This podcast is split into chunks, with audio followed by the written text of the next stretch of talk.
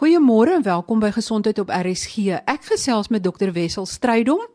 Hy is 'n plastiese chirurg op Stellenbosch en ons gaan vandag gesels oor borsveranderingsoperasies, borsverkleinings, borsvergrotings en ook borsrekonstruksie na 'n mastektomie. Baie welkom Dr Strydom. Kom ons trek sommer weg met borsverkleiningsoperasies. Ja, Marie, goeiemôre en baie dankie. Die tipiese pasiënt wat by ons uh, presenteer vir borsverkleiningsoperasies is dames wat baie las het van veral rugpyn en nekpyn en skouerpyn en wat ook probleme veral in die somermaande het wanneer hulle 'n uitslag ontwikkel weens oormatige sweet in hierdie areas. So borsverkleiningsoperasies is tipiese funksionele operasie. Dit help die pasiënt om in hulle alledaagse aktiwiteite om meer mobiel te wees, om te kan deelneem aan sportsoorte wat hulle normaalweg nie kan doen nie. En natuurlik ook die gevolg daarvan is dat hulle baie makliker klere drag kan kry wat by hulle kan pas wat vir hulle 'n 'n baie groot probleem is. Borsvergrotingsoperasie aan die ander kant het soortgelyke probleme. Maar in hierdie pasiënte is dit meer 'n geval van kleredrag wat 'n groot probleem is weens die grootte van hulle bors wat nie voldoende in hulle kleredrag inpas nie. As ons nou kyk na borste wat verklein word. Hoe groot is daai vrouens se borste en tot watter grootte wil julle dit dan verklein? En waar sny julle aan die vrou om daai borste te verklein? So die pasiënte wat tipiese borsverkleiningsoperasie wil gaan, ehm um, se borsgrootte begin gewoonlik hier rondom 'n D-grootte, maar dit hang ook af van die pasiënt self want hulle kan wissel van 'n klein geboude fyn uh, pasiënte tot relatiewe lang groot mense. En die simptome is gewoonlik die aanwysing vir ons of die pasiënt dan nou 'n uh, geskikte kandidaat is. Ons kyk ook na die pasiënte se gewig. Pasiënte wat baie oorgewig is, sal eerstens moet gewig verloor. So dis nie 'n verslankingsoperasie nie. Die tipiese grootte wat 'n pasiënt graag wil hê is altyd omtrent 'n B-grootte. In praktyk maak ons die pasiënt se borsgrootte om te pas by hulle liggaamsbou, met ander woorde dat die borste in verhouding is tot hulle liggaam, waar dit dan op voor die operasie buite verhouding is. Die snitte wat ons gebruik is op die bors, dit strek gewoonlik om die tepel areola gedeelte dan af na die vou onder die bors en dan kan die prosedure gedoen word met 'n langer gesnit onder die bors of kan beperk word tot slegs 'n vertikale snit. Dit varieer van pasiënt tot pasiënt en natuurlik ook hoe groot die pasiënt se bors is wanneer hulle by ons presenteer. As jy die snit om die areola maak om die tepel, behou jy dan die bloedvloei na die tepel toe of is daar 'n kans dat die tepel verlore kan gaan? Is dit dalk 'n moontlike komplikasie.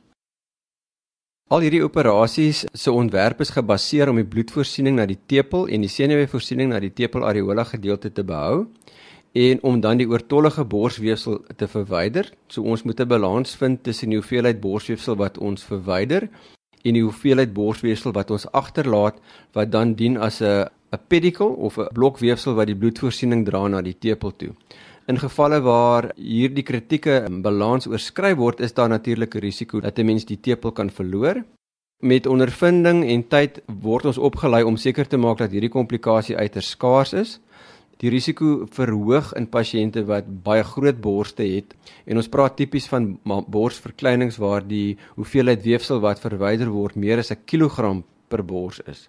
So die gemiddelde um, massa wat ons verwyder wissel gewoonlik van 300 tot 600 gram in 'n gewone operasie en dan natuurlik in groter operasie meer as 'n kilogram en in ekstreme gevalle selfs meer as 2 kilogram.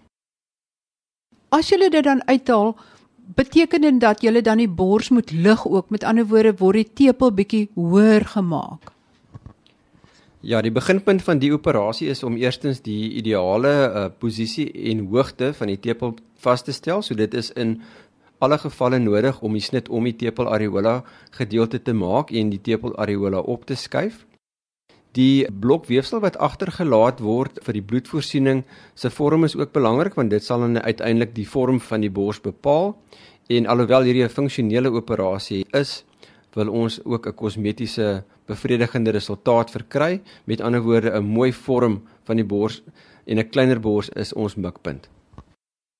Dokter Strydom, kan jy bietjie meer vertel van hoe mens die borslig operasie doen? Want niemand wil tog borste hê wat omtrent op hulle maag hang nie. So die beginsels van hierdie operasie is soortgelyk aan die borsverkleiningsoperasie. Die groot verskil is dat die ehm um, borsweefsel word nie verwyder nie, dit word bewaar en die velgedeelte word dan verminder om die oortollige vel te verwyder. Die tepel areola gedeelte word weer eens na 'n normale posisie geskuif en dit gee dan vir ons uiteindelik die nuwe vorm.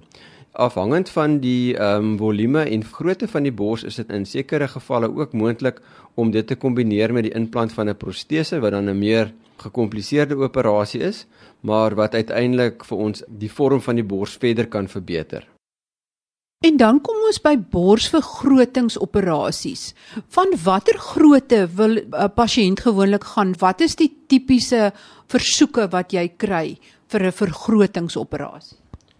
So ons tipiese vergrotingspasiënte in hierdie gedeelte van die land is gewoonlik pasiënte wat 'n A-grootte het en wat sukkel om ehm um, klere drag soos byvoorbeeld swemdrag is belangrik, klere as hulle gaan oefen en veral aandrag is vir hulle 'n groot probleem want die uh volume van die bors is nie voldoende om hierdie klere mooi uit te vul nie.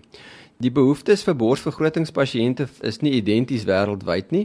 In sekere dele van die wêreld is baie groot borste baie populêr en ander dele van die wêreld is ander dele van die liggame wat wat groot is populêr, maar die tipiese pasiënt in ons land is gewoonlik 'n A-grootte pasiënt wat dan graag uh, 'n uh, vergroting wil hê na na 'n B of 'n C grootte, nie nie oormatige vergrotings nie.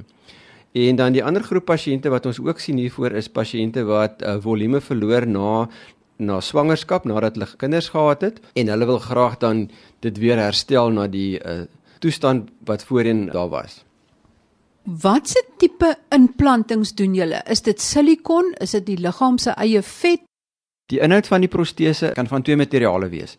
Die um, silikon is die algemeenste en bekendste en dan die ander tipe is proteses wat gevul word met soutwater. Dit word gewoonlik gevul deur 'n klein opening in die protese. Probleme wat ons daarmee kan ondervind is dat die protese soms kan afblaas as die klep 'n probleem gee en ook omdat die water nie dieselfde digtheid het as die silikoon nie, is laat 'n mens die ehm um, krekels kan sien op die vel. Dit is nie verkieslik nie. Die proteses wat ons heidaglik gebruik, se silikooninhoud is molekulêr verbind. Met ander woorde, as daar 'n skeur in die kapsel van die protese kom, dan lek die silikoon nie uit die protese nie en dit maak dit dan baie makliker as 'n mens 'n operasie moet doen om die proteses te vervang, wat die geval is na ongeveer 15 tot 25 jaar na die aanvanklike chirurgie. So die belangrike ding van die operasies is dat die proteses het 'n leeftyd en op 'n sekere stadium sal dit nodig wees om dit te vervang. Hierdie operasie is gewoonlik relatief eenvoudig, maar dit dit is ongelukkig nodig. En dan trek julle net die oorspronklike een uit as hy nog heel is en julle sit 'n nuwe een in. Maak julle dit op dieselfde snit gewoonlik?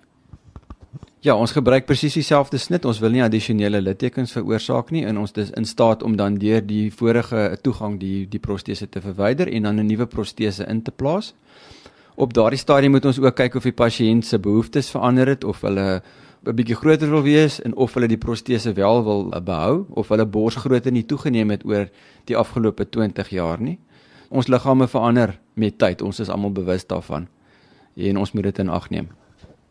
Mense hoor altyd van die stories van die vrou met die groot borste wat in die vliegtyg vlieg en toe blaas die silikon op en toe hang sy teen die dak van die vliegtyg. Is daai goeters waar of kan so iets gebeur? Nee, dit is ongelukkig nie waar nie. Ehm um, die proteses is relatief duursaam en sterk en dit is veilig om te vlieg, te swem en ander aktiwiteite mee te beoefen. Die anatomiese proteses se vorm is stabiel, so die protese vervorm nie onder druk nie, hy behou sy anatomiese vorm.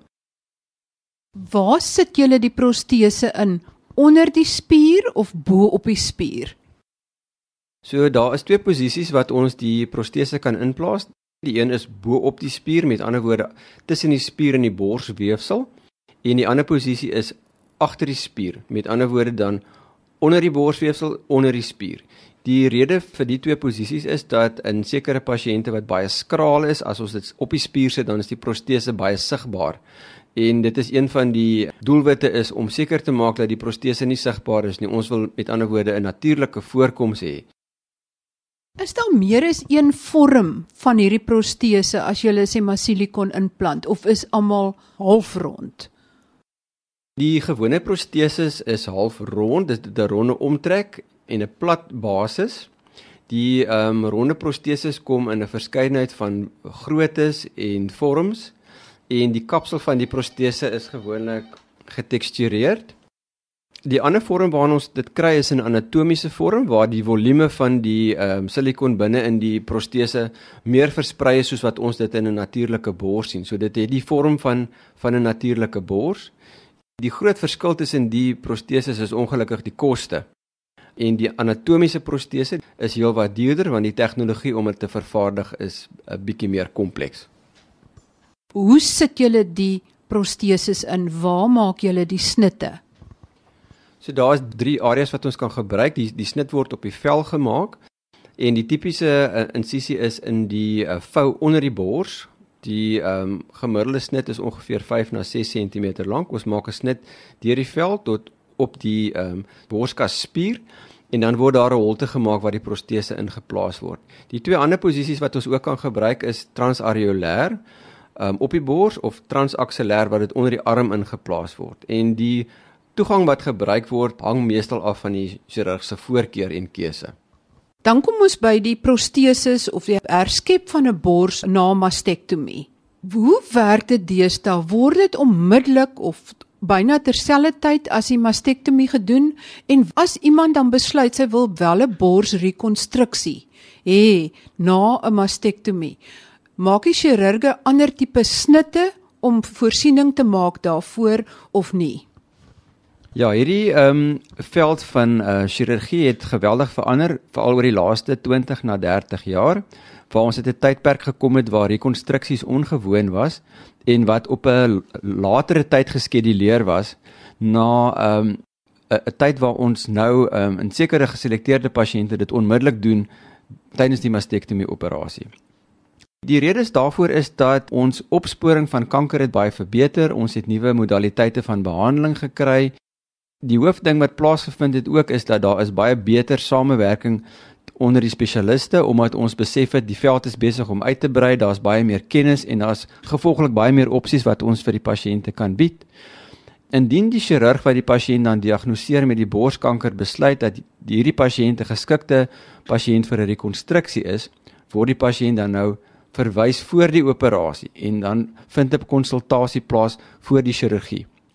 Tydens daardie konsultasie bespreek ons dan met die pasiënt die ehm um, tegnieke wat ons kan gebruik, die opsies wat vir ons beskikbaar is, met ander woorde watter tipe operasies, daar's meer as een tipe operasie wat ons kan doen en wat vir ons toegelaat word binne die riglyne van die uh, rekonstruksie. Met ander woorde watter graad van kanker dit is en ehm um, byvoorbeeld of die tepel areola gedeelte verwyder moet word en of dit behoue kan bly wil die pasiënt hulle eie weefsel gebruik of is hulle gemaklik daarmee om 'n protese te kry vir 'n rekonstruksie? Die gebruik van 'n protese is 'n kleiner prosedure as die uh, operasie waar jou eie weefsel gebruik word. Die herstel is vinniger, so dit is meer geskik in pasiënte wat moontlik soms 'n bietjie ouer is, maar die behoeftes van die pasiënt speel ook 'n belangrike rol en die pasiënt se wense word ook gebruik om vir ons tot 'n plek te kry waar ons dan kan besluit watter opsies ons vir die spesifieke persoon sal pas. In die verlede is die snit, 'n mastektomie snit altyd op dieselfde eh, manier gebruik, maar soos wat die tegnieke verander het en die pros, nuwe proteses, die anatomiese proteses wat ons vandag kan gebruik, is daar nou 'n verskeidenheid maniere om die operasie te doen en ons werk dan gewoonlik met 'n uh, klein span mense, onkoloog, chirurg, plastiese chirurg en die pasiënt is ook deel van die span. Dis die belangrikste persoon in die span. Sê maar die tepel en die vel kan behoue bly. Hoe word die operasie dan gedoen? Hoe word die oorspronklike snit gedoen vir die mastektomie en hoe word die rekonstruksie gedoen? En speel die besluit om chemoterapie of bestraling te gee 'n rol in wat die tipe protese of rekonstruksie gaan wees? Ja, as ek die laaste vraag eers kan beantwoord, pasiënte wat bestraling kry, is pasiënte wat dan vir ons 'n indikasie is om nie 'n onmiddellike rekonstruksie te doen nie. So dit is vir ons 'n belangrike besluit om vas te stel watter pasiënte gaan wel bestraling kry en hierdie pasiënte se rekonstruksies word dan uitgestel. So die mastektomie word gedoen en dan word die bestraling gegee en dan sekondêr word die rekonstruksie gedoen want die bestraling beïnvloed die die weefsel. Dit beskadig die weefsel, dit maak die kanker dood, maar dit beskadig ook die weefsel en dit is dan raadsaam om dit as 'n tweede operasie te doen. En soos wat ek aan die begin gesê het, die bors se vorm en waar die tepel geleë is bepaal tot 'n groot mate hoe ons die operasie gaan doen. So as die tepel in 'n ideale posisie is, is dit 'n meer eenvoudige operasie. As die tepel geskuif moet word, dan is hierdie pasiënte ook gewoonlik word die tepel dan nie behou nie. En dan sodra die mastektomie gedoen is, kan ons dan of 'n protese gebruik of die pasiënt se eie weefsel In baie gevalle is dit vir ons ook nodig om die teenoorgestelde bors te opereer. Sekere pasiënte verkies om 'n uh, bilaterale, met ander woorde, dubbele mastektomie operasie te ondergaan om hulle risiko vir kanker te verminder. En daar is uh, 'n uh, magdom van genetiese toetsings en ehm um, analises wat ons kan doen om vas te stel watter pasiënte is hoë risiko pasiënte vir kanker. So dit is ook 'n gedeelte van van die behandeling van borskanker wat verander het oor die laaste paar jaar. As mens dan 'n rekonstruksie doen, jy kan dan of silikon of die protese gebruik, maar sê maar nou jy gebruik van die vrou se eie weefsel. Watter opsies is daar? Daar is ehm, 'n um, verskeidenheid van flappe. 'n Flappe is uh, in ons taal maar 'n weefsel wat ons gebruik en wat ons verskuif. Die oudste operasie is 'n flap van die pasiënt se rug waar ons die, een van die groot rugspiere gebruik om die bors op te vul of waar ons gewoonlik 'n tekort aan vel het en ons gebruik dan die vel op die rug saam met die spier om die volume van die bors te herstel, die hoeveelheid vel wat ons nodig het. Ehm um, dit gaan gewoonlik gepaard met die inplaas van 'n onderliggende protese. Dis ook 'n operasie wat gebruik word vir mense wat gevorderde kanker het wat herhaling het wat ons moet opereer. En dan die grootste operasie is waar ons dan weefsels van die maag gebruik om die bors te rekonstrueer. Ons moet sekerlik pasiënte kry wat wel 'n bietjie oortollige weefsel het om te gebruik. Die weefsel word dan ehm um, verskuif van onder die naaltjie, die boopie area en die weefsel word dan gebruik om 'n bors te vorm. So die twee tegnieke is dan waar ons die weefsel uh, vashou aan die liggaam en dit skuif op uh, op 'n pedicle. Ons gebruik dan die spier as 'n draer vir die bloedvoorsiening en dan um, ander operasies waar die weefsel se bloedvate geïsoleer word, afgesny word en dan word die hele blok weefsel verskuif na die uh, donor area en die um, bloedvaatjies van die maagweefsel word dan gekoppel aan nuwe bloedvate en op hierdie manier oorleef die weefsel dan in die nuwe area. So daar is ook 'n verskeidenheid ons noem dit 'n vryflap en dit behels dan die gebruik van uh, mikrovaskulêre uh, tegnieke. Ek gaan sketse van hierdie operasies op die uh, webblad sit, so gaan kyk gerus daar. Maar die uh, een wat van die rug gebruik word word letterlik van die rug af omgeswaai sodat die spier onder die vel deur van die rug af en dan kom dit oor die bors en die vryflap wat onder die naaltjie is word as 'n geheel uitgesny en dan word die bloedvate weer geëg. So dis vel en vetweefsel alles wat saam is word dit dan in 'n vorm uitgesny sodat dit kan pas by die vorm van die bors of trim jy dit daarna eers weer? Ja, die finale vorm van die nuwe bors word deur twee faktore bepaal, natuurlik die weefsel wat ons in die area inskuif en ook dan die die bestaande vel wat ons in die area het. So as ons baie van die bestaande vel het, is dit vir ons baie makliker om 'n natuurlike borsvorm te skep. As daar van die vel verwyder moet word waar die kanker dan naby die tepel is of waar die tepel verwyder moet word, dan moet ons die tegniek aanpas en die flap se volume bepaal dan hoe groot die bors gaan wees. Die flap kan gevorm word tot 'n sekere mate en ons verwyder sekere gedeeltes om die weefsel tot die regte grootte te bring. Nou dit hang baie af van die pasiënt se bestaande borsgrootte. So in pasiënte wat dan groter is as 'n D-grootte, dan moet die teenoorgestelde bors verklein word om te pas by die area. So ons sal dan nie 'n dubbel D of 'n D grootte bors rekonstrueer nie. Ons sal gaan vir 'n realistiese grootte. En indien die ander bors 'n A grootte is, dan mag dit selfs nodig wees om die ander bors te vergroot. Dit hang af wat die pasiënt se besluit is rondom dubbele mastektomie of slegs die een bors die indikasies daarvoor. So daar's baie faktore wat gaan bepaal wat ons wil hê.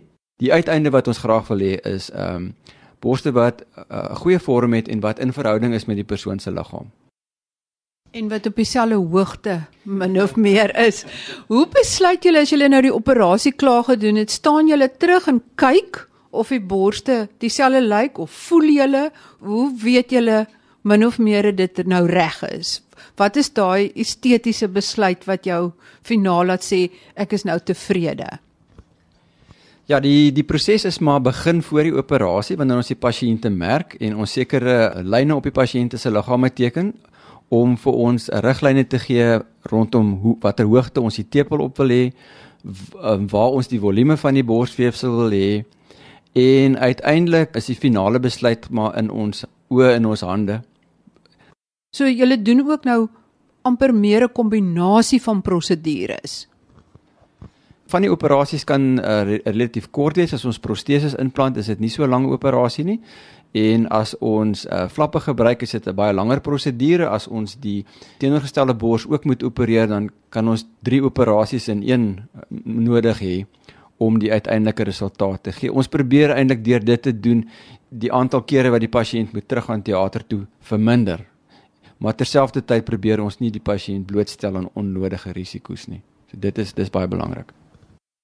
Dokter Strydom, as jy 'n finale boodskap het aan die verskillende vroue daar buite wat of 'n borsoperasie oorweeg of wat dalk verplig word om borsrekonstruksie aan te dink omdat hulle kanker het, wat sal dit wees?